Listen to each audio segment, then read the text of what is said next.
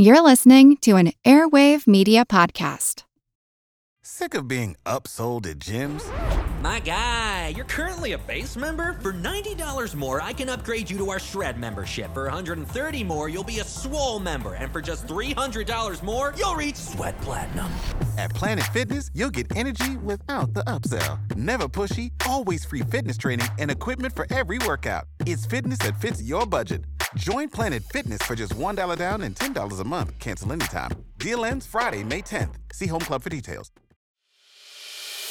As a longtime foreign correspondent, I've worked in lots of places, but nowhere as important to the world as China. I'm Jane Perlez, former Beijing bureau chief for the New York Times. Join me on my new podcast, Face Off US versus China, where I'll take you behind the scenes in the tumultuous US China relationship. Find Face Off wherever you get your podcasts. This is Kick Ass News. I'm Ben Mathis.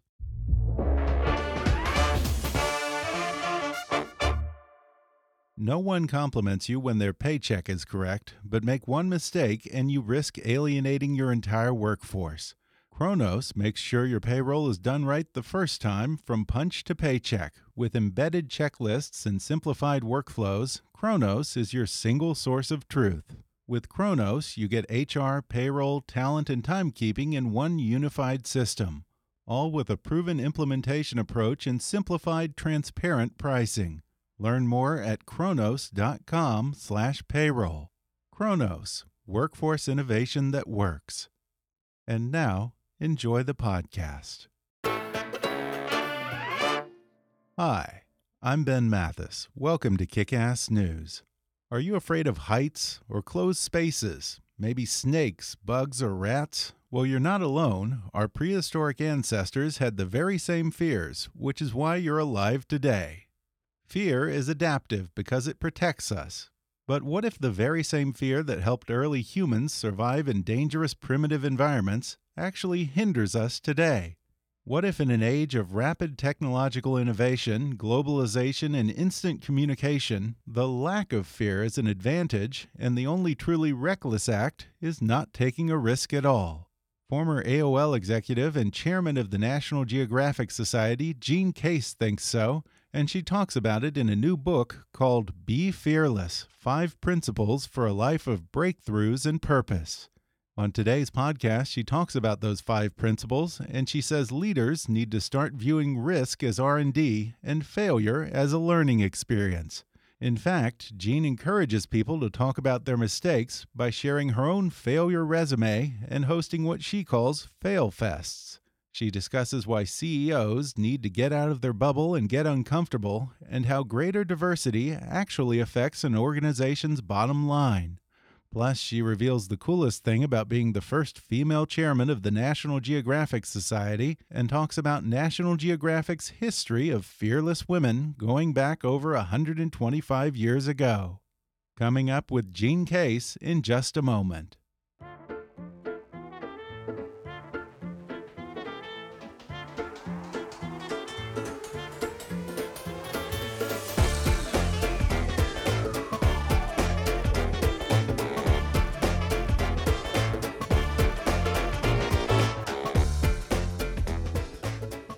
Jean Case, the first female chairman of the National Geographic Society in its 130 year history and CEO of the Case Foundation, is a philanthropist, investor, and internet and impact investing pioneer. Before founding the Case Foundation in 1997, she was a senior executive at America Online Inc., where she directed the marketing and branding that helped bring AOL to the masses. In addition, Jean currently serves on the boards of the Accelerate Brain Cancer Cure, the White House Historical Association, and BrainScope Company, Inc., as well as on the advisory boards of the Brain Trust Accelerator Fund, Stanford Center on Philanthropy and Civil Society, and Georgetown University's Beeck Center for Social Impact and Innovation. Now she's written her first book titled Be Fearless Five Principles for a Life of Breakthroughs and Purpose. Well, Jean Case, thanks for joining me. Hey, Ben, it's great to be with you today. Thanks for having me. I had your husband Steve on the show a while back, and it's always nice to be able to have the wife on to set me straight and give lie to the myth of the man, bring him down to earth a little bit. I don't know if that's my role. I no? think he's pretty up there myself. yeah. Well, that's good. How long have you two been married? Is Uh, it'll be our 21st anniversary this year. Wow, congratulations. And now I mentioned in the intro that you have what a lot of people, including myself, might consider a dream gig as chairman of the National Geographic Society. What's the coolest part about that work? Oh gosh, just being in the presence of the fearless men and women of the National Geographic Society, both out in the field, but also even at headquarters. You know, we like to say that uh, we have the opportunity to bring people um, to the front lines of the unknown and let them see the magic of our world. We have explorers all over the world, and it's a really exciting time at National Geographic. Uh, do you and Steve travel a lot? We do, and I particularly travel a lot with National Geographic out into the field with explorers. Really? Wow. You know, a lot of people don't know it, but National Geographic today has the number one social media footprint in the world of any brand. We're coming up on a hundred No million Instagram followers, believe it or oh, not. Oh, that's incredible. Well, But- the photography aspect, so yeah, right, sense. right. yeah. But there is a funny story there, Ben. About a hundred years ago, you know, we've always had fearlessness in our DNA at National Geographic, and our founders were very fearless. But about a hundred years ago, the new tech was photography, and Yeah. National Geographic was a pretty serious science and exploration journal. So when the editor wanted to include some photographs to help tell the stories, a few board members resigned, saying, "That's a fad. That's not serious science. We're not doing that." And we look back and we're so glad the rest of the board was fearless enough to say yes, because look where we sit today, really Oh known God. for our rich photography and video assets. yeah, sensationalism. exactly.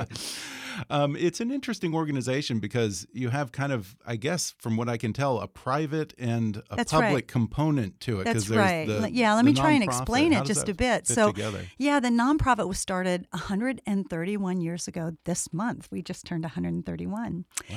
And, um, but really, right from its birth, it had born into it what we know today as a social enterprise. They used the, the magazine to make the money and then used that money to throw back over the wall to fund more science and exploration. So, what that looks like today is about three years ago, we did a joint venture with 21st Century Fox and put all of our commercial businesses, our channel, our digital, our magazine, you know, all of the, uh, our travel, our, our consumer products into that joint venture. Out of that was created a $1.2 billion endowment. And about $100 million a year comes over the transom to let us continue to fund really exciting work on the forefront of science and exploration and mm. conservation. Yeah, and I think that that's one of the things you talk about in your book, Be Fearless, is unusual collaborations. All right, thanks for that. It really is so. outside of your yes, box. one of the principles is reach beyond your bubble, Mm-hmm. and um, that really is about looking across and building unlikely partnerships. You know, it turns out if you have a big bet, which is the first principle, make a big bet. You know, it's helpful to look around no matter where you sit in life and say, who can help me go further and faster? And often it's non-obvious people, people different than yourself, or organizations with different, you know, skills or assets they bring to the table. What can they do? They can expand your perspective, maybe broaden your market, and cover your blind spots.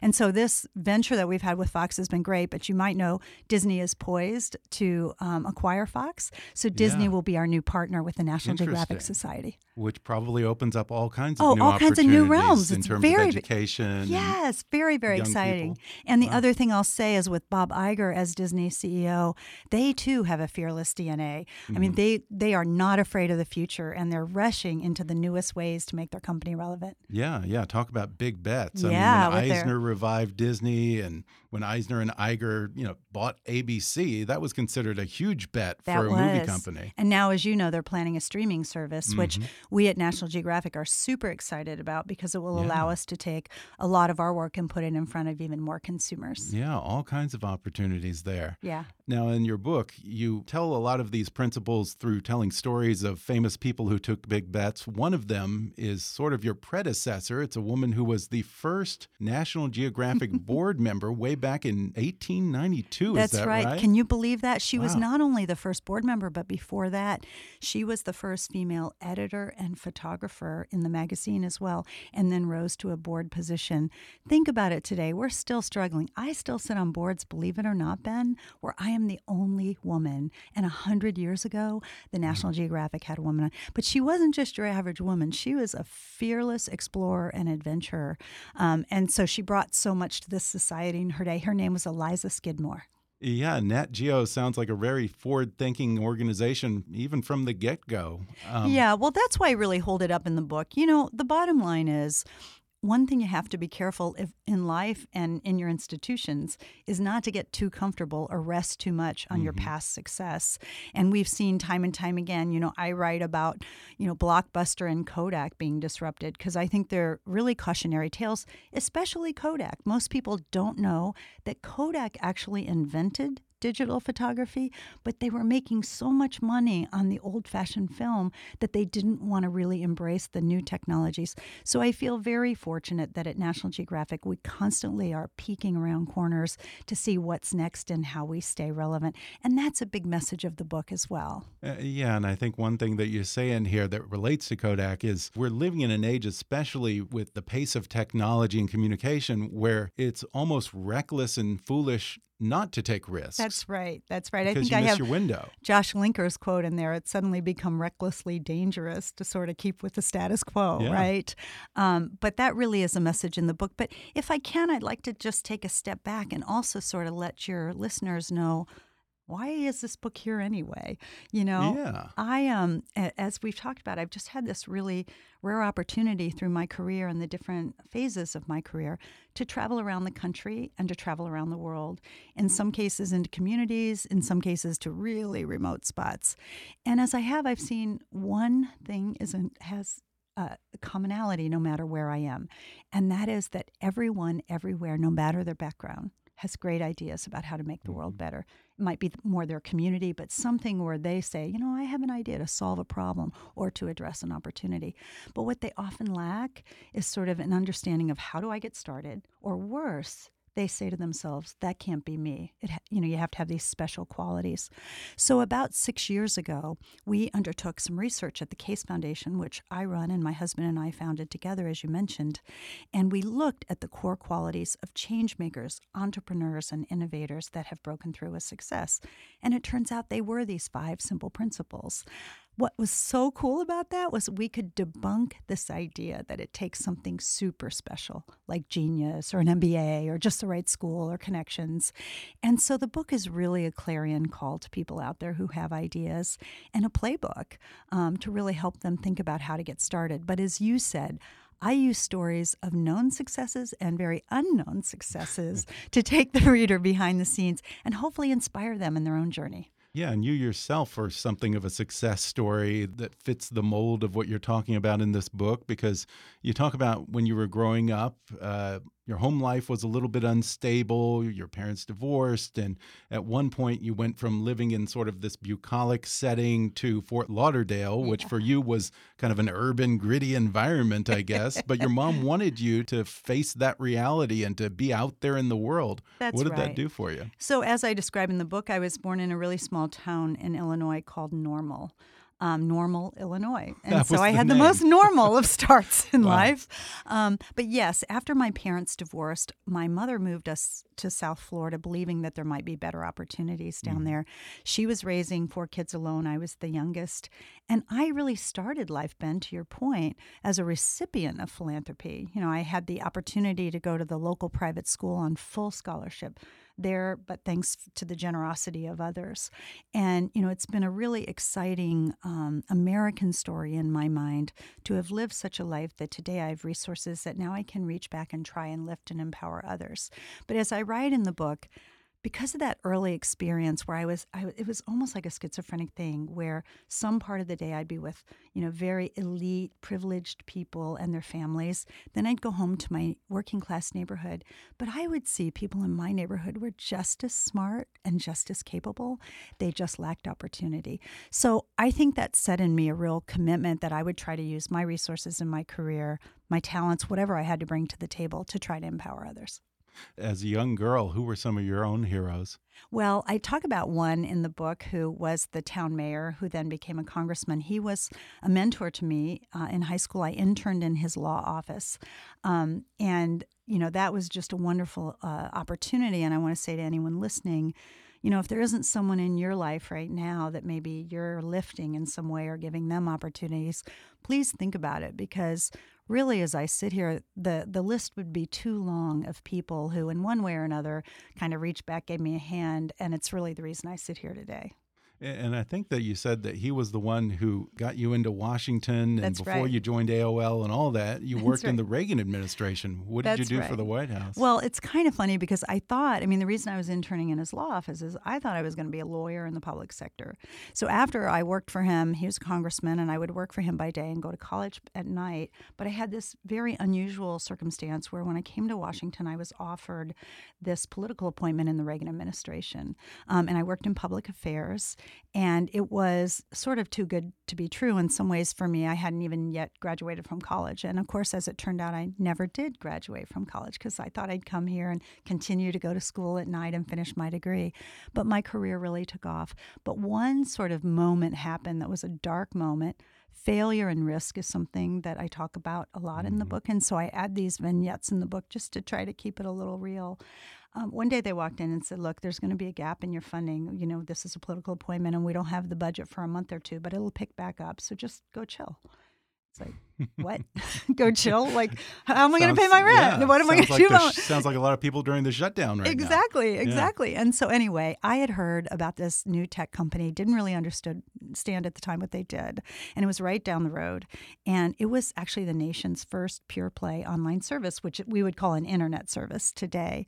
And they needed this temporary job of helping to put together this conference that they were putting on. So I went over to do this temporary work, and I'm telling you, I fell in love. I saw immediately the empowering nature of this new technology, and I never looked back. And I was thankful to get a permanent role with them. And then GE recruited me to start something for them. And then the really big risk moment came because I had a very good career tra- trajectory at GE when this startup called that was going to become AOL and asked if I'd come help build an online service for them. And I made the leap. But Ben, I think you know in the book, I say, gosh, my friends were shrill about my decision. Like, what are you doing? You can't leave this, you know, career at GE, this safety Yeah. net. At the time, Well, that's it- a plum job. it was a especially in the plum job, 80s. and they were the Yeah. most valuable company in the world at the Mhm. time. I mean, everybody wanted to work at GE. But I really was a believer in empowering others, and I saw that the big company was unwilling to take the kind of risks that I knew needed to be taken Mm-hmm. to grow a new market opportunity. Uh, that no, I mean, no one knew what an online service was back then. This is the 80s, okay? and so I made the leap, and I'm so grateful looking back that I did that because it really was the best decision of my life, but certainly among the most scary decisions or moments of my life as well. Yeah, at some point, I think you talk about working at GE and how they had all this money and they wanted to take risks, but they only wanted to take risks that were pretty much sure things. Correct, and that's not, the really risk risk. huh? taking, right? That's exactly right. You know, um, and I think they had good intentions, but they were pretty comfortable. It goes back to what I was saying about organizations that get really comfortable. Sometimes, you know, that really works against the ability to take risks. You don't want to trade out a good thing for maybe an extraordinary thing. But I did that when I made the decision to leave, and as I said, I I, I really feel like it was maybe the best decision I made career wise ever. Well, again, the subtitle of Be Fearless is Five Principles for a Life of Breakthroughs and Purpose. You mentioned a few of them make a big bet, be bold, take risks, make failure matter, reach beyond your bubble, and let urgency conquer your fear. I want to spend a little time with each of these. First off, making big bets. What are some of your favorite stories of people who didn't listen to the naysayers, swung for the fences, and hit a home run? Yeah. Well, you know, there's one. We're sitting in LA while we're while we're having this conversation. There's a young woman who was attending UCLA, and she and another student noticed that there was a serious issue with what we'll call food security on campus. Kids who maybe just had enough money to, you know, make tuition but didn't have a food plan and often were left really hungry while going to school. So they wanted to do something. So they did, they had this idea of we really want to solve this problem on our campus. This is how it got started. And so they, you know, did what most would do. They collected food for donation and they realized that just wasn't going to cut it. So they ultimately came up with the idea of using the food swipe card that is so popular on campuses everywhere. And for those that don't know what that is, it's almost like an ATM card that you can use when you go to the cafeteria and you swipe it. Your parents usually load money on it at the start of the year if you're fortunate enough, and then each each swipe is a meal. Well, anyway, they they suddenly realized, wow, that could be powerful if we could somehow tap into that. Well, they were not popular with the management of the school or the cafeteria at the time because at that and it's true in many campuses across the nation a lot of those food credits don't get used and the and the schools get to keep them at the end of the year. Yeah it's a racket. So they were threatened. They were told you know get out you know get off our campus everything. Well anyway they finally were successful in making that happen and today they are on 60 campuses around the united states. The governor of california last year passed a law and funded $7 million to make sure that the rest of the state universities in california uh, will participate. It's called Swipe Out Hunger. Her name is Rachel Sumekh. And one of the other great stories about Rachel um, is when she put her hand up to say, okay, they realized they needed to kind of get a little more professional and have a CEO in the organization. She said, I want to be that. One of her colleagues said, You're too nice to be CEO.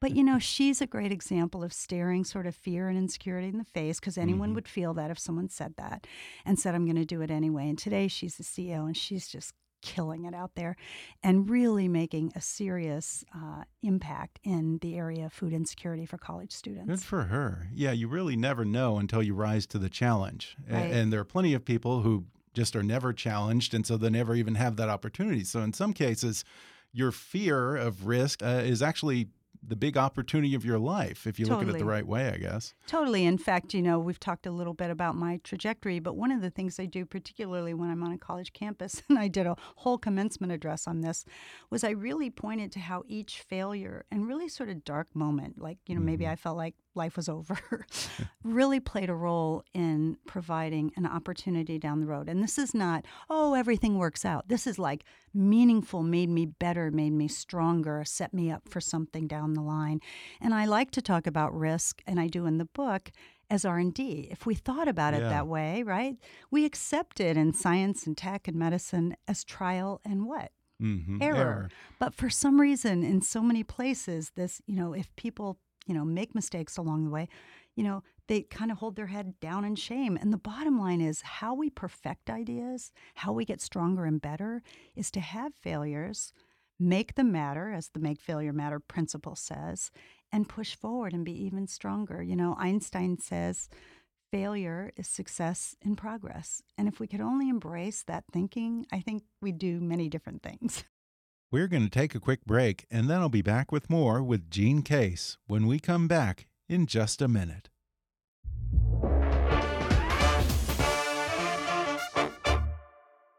In today's age, it can be hard to find the time to sit down and learn more, especially when the likes of social media can be so addictive and time consuming. So you might think you don't have the time to read a book or to develop yourself. Well, think again.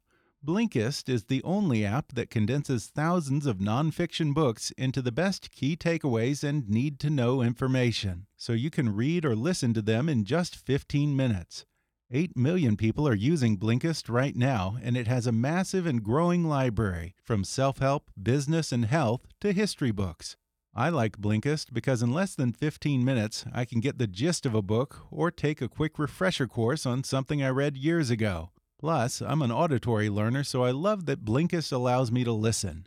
Not long ago, I used Blinkist to reacquaint myself with two classics Dale Carnegie's How to Win Friends and Influence People, and Stephen Covey's The Seven Habits of Highly Effective People. More recently, I just enjoyed the book Becoming by Michelle Obama and listened to Steven Pinker's Enlightenment Now in preparation for my interview with Dr. Pinker. And right now, for a limited time, Blinkist has a special offer just for my audience. Go to Blinkist.com/kick to start your free seven-day trial. That's Blinkist, spelled B-L-I-N-K-I-S-T. Blinkist.com/kick to start your free seven-day trial. One more time, Blinkist.com/kick. Hey folks, Valentine's Day is almost here, and you know how hard it can be to come up with a great Valentine's gift that's personal and shows you actually put some thought into it. If you want something that's a reminder of the special memories in your relationship, check out Homesick Candles. I love this company because nothing gets me more sentimental than a scent that takes me back to a special moment in my life. And Homesick Candles' unique scents reflect all U.S. states and dozens of cities around the world. They're a thoughtful way to tell the story of your relationship's journey. Each candle is made from a natural soy wax blend and comes in a beautiful gift box. Their new First Kiss candle even lets you celebrate the spot where you shared your first kiss. Just go to homesick.com and check out their First Kiss Finder to pick yours. I tried their First Kiss Finder. My wife and I shared our first kiss after dinner on an autumn night in Pasadena, California. And every time I light Homesick Candle's Southern California candle, that smell of orange blossoms and jasmine takes me right back to that night. I've also spent a lot of time in Austin, Texas, and Homesick's Austin Candle brings back all kinds of wonderful memories of the pine trees along the green belt and the smell of cedar trees when I was a boy at summer camp in the Texas Hill Country. The hints of musk and leather even make me think of the night my wife and our friends went bar hopping along Austin's famous 6th Street. Nothing has the power to evoke a special memory like scent does. That's what makes Homesick Candles such a great idea. Go to homesickcandles.com, and for every classic size or three wick candle you purchase, you'll get a free mini candle of your choice. Pick your favorite memories and candle, add them to your cart, and for each classic or three wick, you can add your choice of any mini candle for free. All you have to do is enter the code KICK at checkout. That's homesick.com with promo code KICK for this awesome deal. This great offer is only available until February 15th, so order now. And now, back to the show. We rarely hear about the failures of successful leaders, but I know that in Silicon Valley and in the broader tech world, it's practically law that you must have at least one failed tech startup under your belt before you're even taken seriously. I think that's right, Ben. And you know, I'm an investor in startups. I sit on startup boards. Um, I will tell you, I am more inclined to back an entrepreneur who has had one or two failures when they're starting something because I know they've learned really valuable lessons. So they're like further down the line as they're trying to take their next Mhm. idea forward. Yeah. And in encouraging people to talk about their failures and to look at failure a different way, you actually talk about what you call your failure resume. Uh, what's on your failure resume, and what are the lessons and the silver linings that came out of those misfires? Yeah, well, I already talked about one. To me, it was a real failure when I sort of lost the position that I had in the Reagan administration. Mm-hmm. That teed up the opportunity for me to move over to tech. But I write about a very public failure in the book where there was a clean water initiative we undertook at the Case Foundation, and I had Bill Clinton to my right and First Lady Laura Bush to my left as we launched it. It was pretty high profile, and we normally don't do things that way. But we were big believers. We were aiming at 10 sub Saharan African countries and hundreds and hundreds of villages to provide clean water with this unique intervention, which was actually like a children's pr- uh, merry-go-round. As the kids would play on it, it was pumping clean water from deep in the ground. So Oh, it seemed brilliant to us. Um, but we had sort of uh, problems executing on the ground right out of the gate. So we spent the first few years really trying to course correct, and it became clear we weren't really going to achieve the level of quality and the scale that we had been looking for, and that our partners really had expected. So we had this board meeting and had a conversation about it about, okay, so what do we do now? Could we just sweep it under the rug and hope nobody noticed? But we knew we couldn't do that. So we decided to come clean, and I wrote a blog called The Painful Acknowledgement of Coming Up Short. And I just laid it out there that we were trying to do something really big, and you know we really had encountered failure along the way. So we made a commitment to stick with it, to pivot, not stick with that initiative, but to stick with bringing clean water to villages. We pivoted to um, new partnerships on the ground, and it all worked out in the end. But it really started for us. Lots of friends called after I wrote that blog, colleagues, people I didn't even know, saying, No one talks about failure. Thanks for doing that. So we started True. these things called Fail Fests, usually involves a little wine or a little beer, of course. and asked people to share their failure lessons, not celebrating failure because no one likes failure, but really become like almost so we could learn from each other. Mhm. And uh, that was kind of almost the genesis of this Be Fearless work that led to the book. right. It seems to me that the only true failure is to fail and learn nothing from it. Yes, that's absolutely right. Or never to have tried. Mm-hmm. Sure. And sure. That's its own form of failure. Yeah, it's weird because we do have almost this cartoon corporate idea that failure is not an option or no one should ever stick their neck out. It's you know, sort of like this office space, the office Dilbert like Right, mentality. exactly. Right. Um, is it pretty daunting to destigmatize failure? I think it really is for everyone. And, and you know, there is this point where fear and failure merge, Mhm. right? And, you know, people can be gripped with fear at the very idea of taking a risk that could end in failure. And that's part of the reason that I talk about this kind of concept of R&D, concept of recognizing that if you if you really can go to school on your failure, and I use Thomas Edison as a great example, he said, a lot of people think I'm a you know brilliant uh, inventor, but I could be more correctly described as a great sponge. What he did was he looked at the failures of people before him who had tried to create electricity in the light bulb, and he went to school on them. There were 18 patents for the the better part of a century before Thomas Edison perfected it. And he was the first to say, I couldn't have done it without the failures of those who came before me and learning from them. So I try, and you know, I have this chapter in the book called Fail in the Footsteps of Giants, where I take really well known success stories. Oprah Winfrey told she just wasn't right for television, fired, you know, from an early television job. Michael Jordan, who got cut from his high school basketball team and went home and cried in his closet because we sanitize these stories of success once they happen. And then people don't understand there were fears and failures each step of the way. Mm-hmm. And hopefully that'll be an inspiration to people as they're taking forward an idea to say, well, shoot, you know, if Michael Jordan could keep going or Oprah, Sure. maybe I can too. Sure. A- And do you have a favorite story of someone who we all look up to now who maybe made their big bet and failed, but kept on Oh, going and made another big bet and it And, paid and off? you know this story it? well, and so do your listeners. Steve Jobs. Mhm. I mean, right? He built from Apple, fired from Apple. And when he gave his Stanford address, and for any listeners that haven't heard it, they should, Hmm. okay? He basically said that was the best thing that ever happened to him because, of course, that allowed him to come back to the company and really create and grow the company that we know today. A lot of us forget that Apple was nearly bankrupt before it turned around.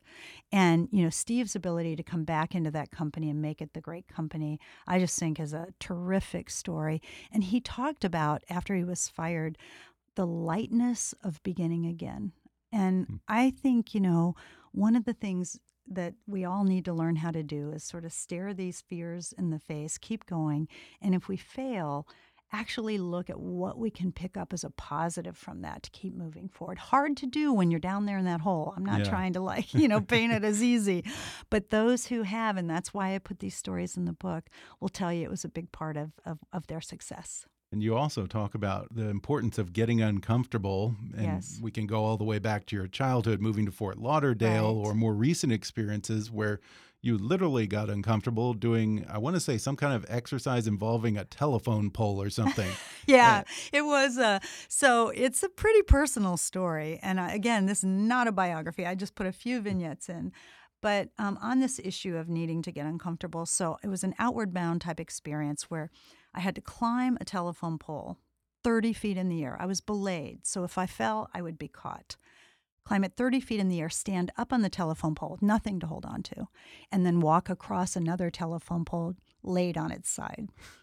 When I got to the top and had to take that first step out to the telephone pole on its side, I didn't think I could do it. And I was teary and I was mortified. I was with a team of five down on the ground. And I said to the guide, I just don't think I can do this. And my voice was cracking. I was so embarrassed. I just couldn't find it to take that first step. And she looked up and said, But Jean, you can try. And there was something about those simple words which sound so like duh at one level, but it was profound in that moment for me. And I took my first step, and of course, I had success going across and coming back. Um, and when I got down, we talked, you know, these outward bound things you have, like these kumbaya circles when Right, you're done. right. you talk about that experience and what did it mean. And she said, Do you think you've gotten to a point where you're mostly doing things you know you'll be good at? And I said, Wow, no one's ever asked that. And I realized I had. So I started making lists of things I knew I wouldn't be good at, or I imagined I could it could never be me to do Mhm. that. And I started taking them on after that. And I'm telling you, Ben, life has been so much sweeter since then. I was in my early 40s and I decided I wanted to become a black belt in Taekwondo. wow. And I did. Really? And no kidding. I totally did. But and the reason I like to use that example is because there's no part of me that would have believed I would be flying through the air with kicks or those kind of things from that day when I started. But like so many big ideas that we want to take forward, it was literally one step at a time, one mm-hmm. day at a time, you know, one training session at a time. It was years it took me to get my black belt. But the bottom line is you can get there from here. You just have to chunk it and, you know, really do it in incremental steps. And that's really the message of the book is have a big idea, but how you get there is one step at a time.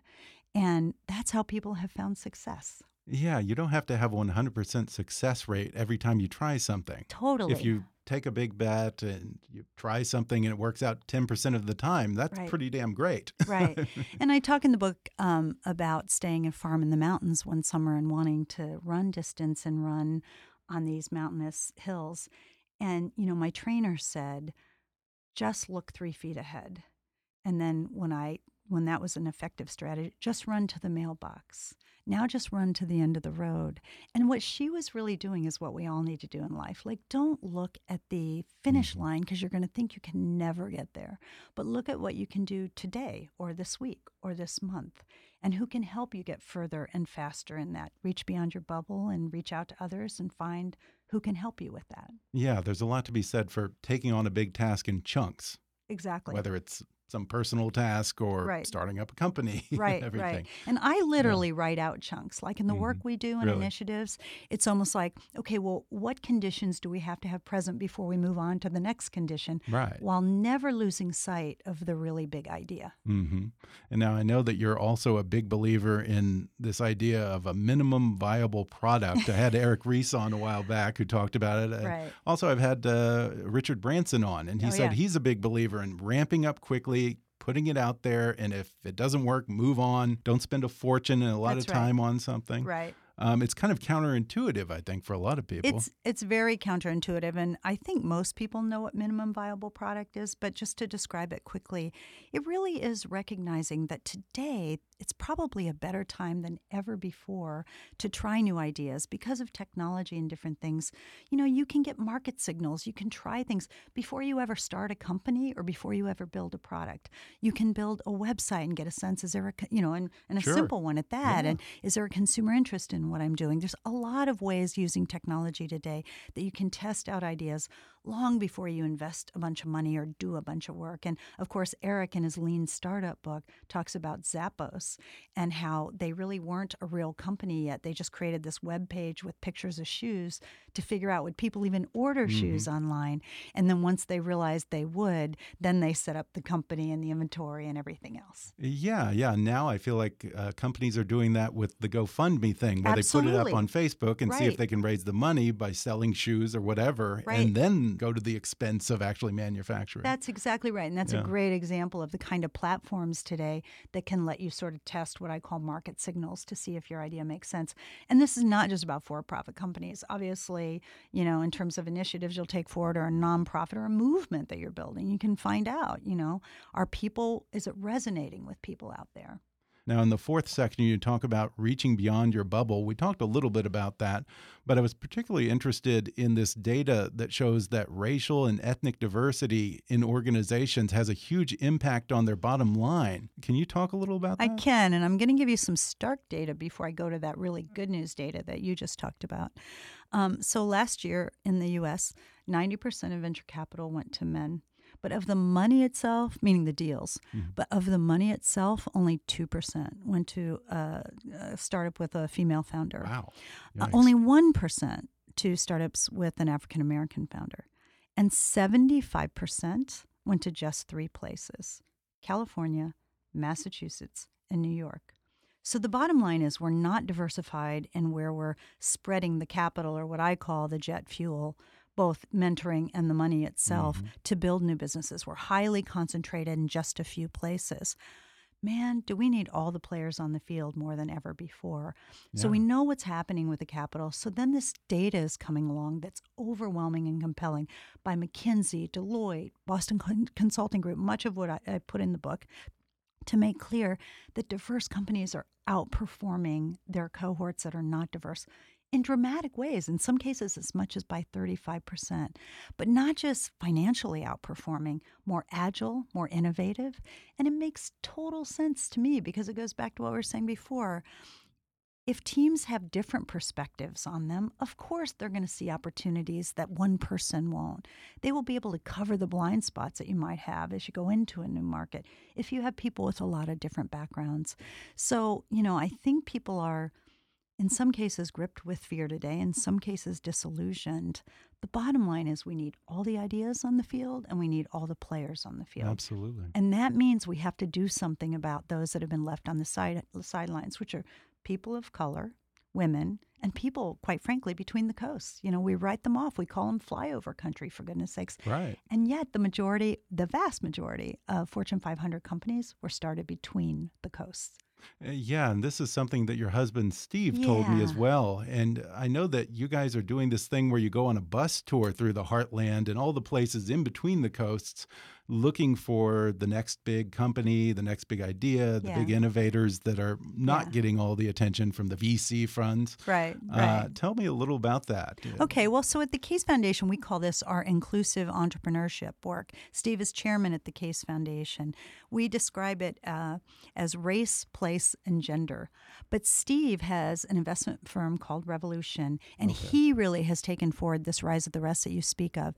And what he does is he takes a team, including, by the way, press and investors, and takes them to five cities, uh, you know, out in the middle of the nation for a week on this bus where they go from town to town. And they unveil and spotlight the amazing innovation and talent that's between the coasts to really begin to put a spotlight on the fact that we need more attention between our coasts. And couldn't be more proud of what he's doing there. I think he's making a really big difference.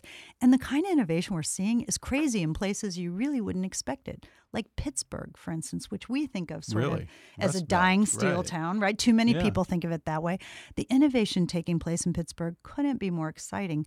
Uber and Ford are doing their autonomous vehicle stuff there because of Carnegie Yeah, Mellon and the yeah. robotics talent. There's a, a two co-founders, a man and a woman, that created a company called SolePower. And the idea is it uses the energy that's created as you walk, so it's an insert in your shoe. Oh, okay. It's and a so you can charge and you can charge small devices. So the military, of course, thinks that could be a brilliant battlefield solution. Yeah. So we're just seeing amazing innovation across the nation. Yeah, and you and your husband's foundation invests in people who you say will change the world. Who are the kind of people and organizations that you yourself are making a big bet on these days? Yeah, yeah. Well, this goes to, like I said, our inclusive work, but it's also tied in with this new realm of investing called impact investing. Mm-hmm. And these are companies that have baked in right from the start not only the pursuit of a financial return for the investor, but um, uh, societal impact and you know core to what they do. Some companies I'll mention, some people will know, some will have never heard of.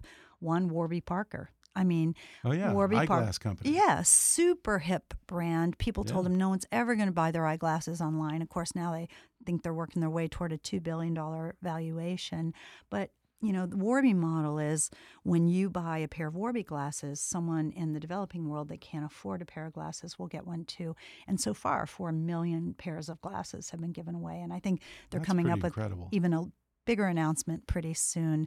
But I sit on the board and am invested in a company called BRCK in Kenya. BRCK is taking internet to the last mile across Africa. So we see there's a company, Tala, um, which is really looking at uh, providing loans for the unbanked at a more competitive rate.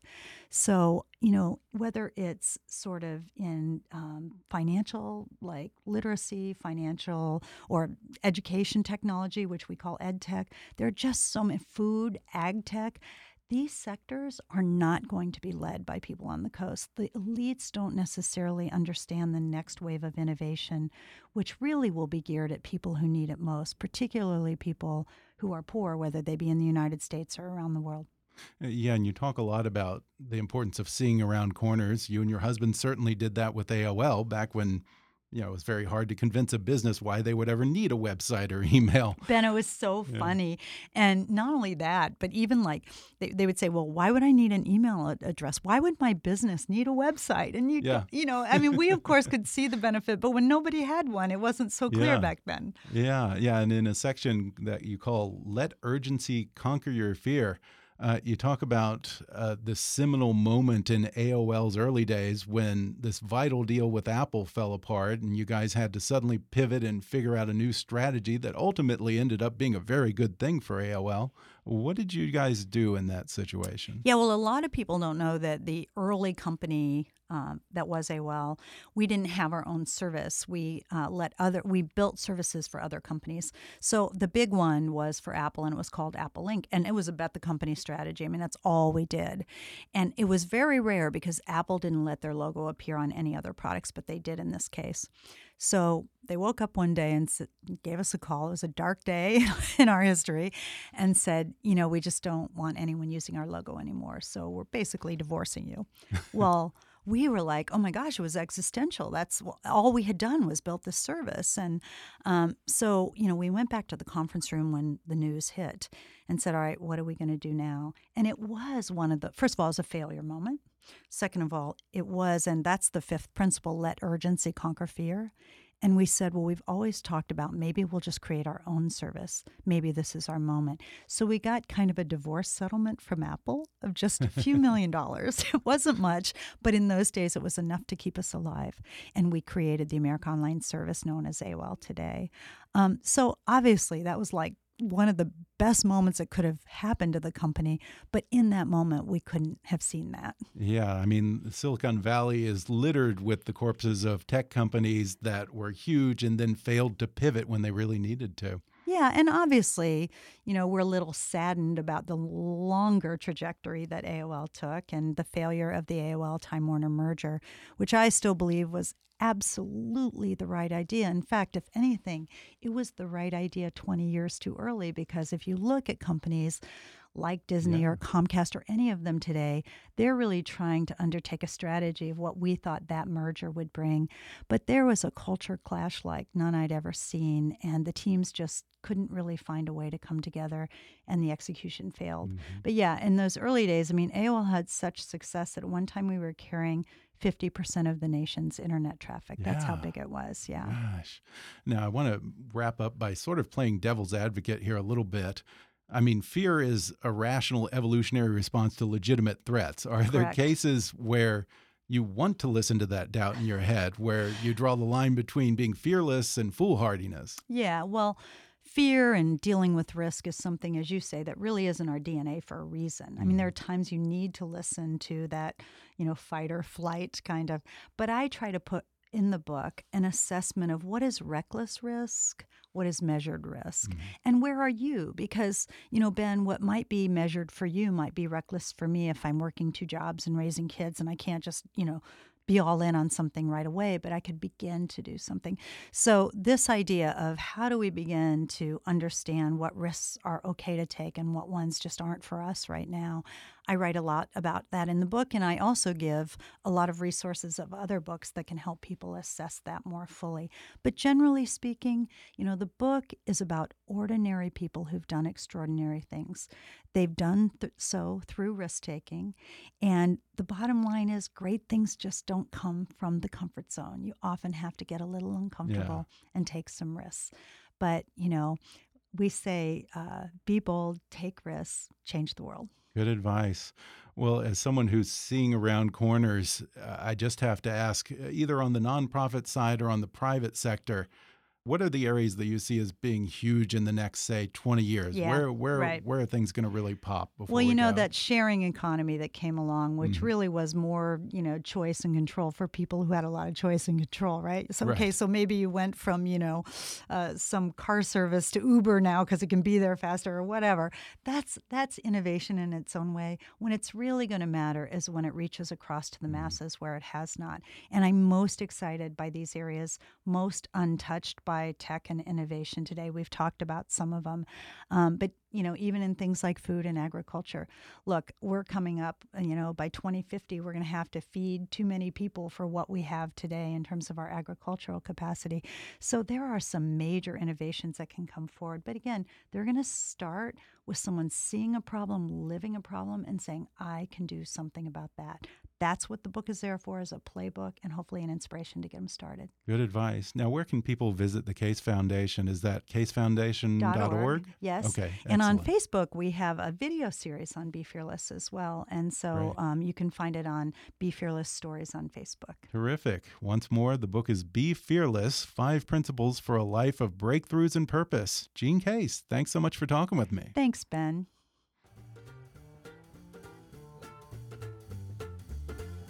Thanks again to Jean Case for coming on the podcast. Visit the Case Foundation at casefoundation.org and order her new book, Be Fearless Five Principles for a Life of Breakthroughs and Purpose, on Amazon, Audible, or anywhere books are sold. In today's age, it can be hard to sit down and learn more. You may think you don't have time to read a book. Well, think again. Blinkist is the only app that condenses thousands of nonfiction books into the best key takeaways, so you can read or listen to them in just 15 minutes. And right now, for a limited time, Blinkist has a special offer just for my audience. Go to blinkist.com/kick to start your free 7-day trial. That's Blinkist spelled B L I N K I S T. Blinkist.com/kick to start your free 7-day trial. One more time, blinkist.com/kick. If you haven't already, be sure to subscribe to Kickass News on iTunes and leave us a review. You can follow us on Facebook or on Twitter at, at KickassNewsPod. And as always, I welcome your comments, questions, and ideas at comments at kickassnews.com. I'm Ben Mathis, and thanks for listening to Kickass News.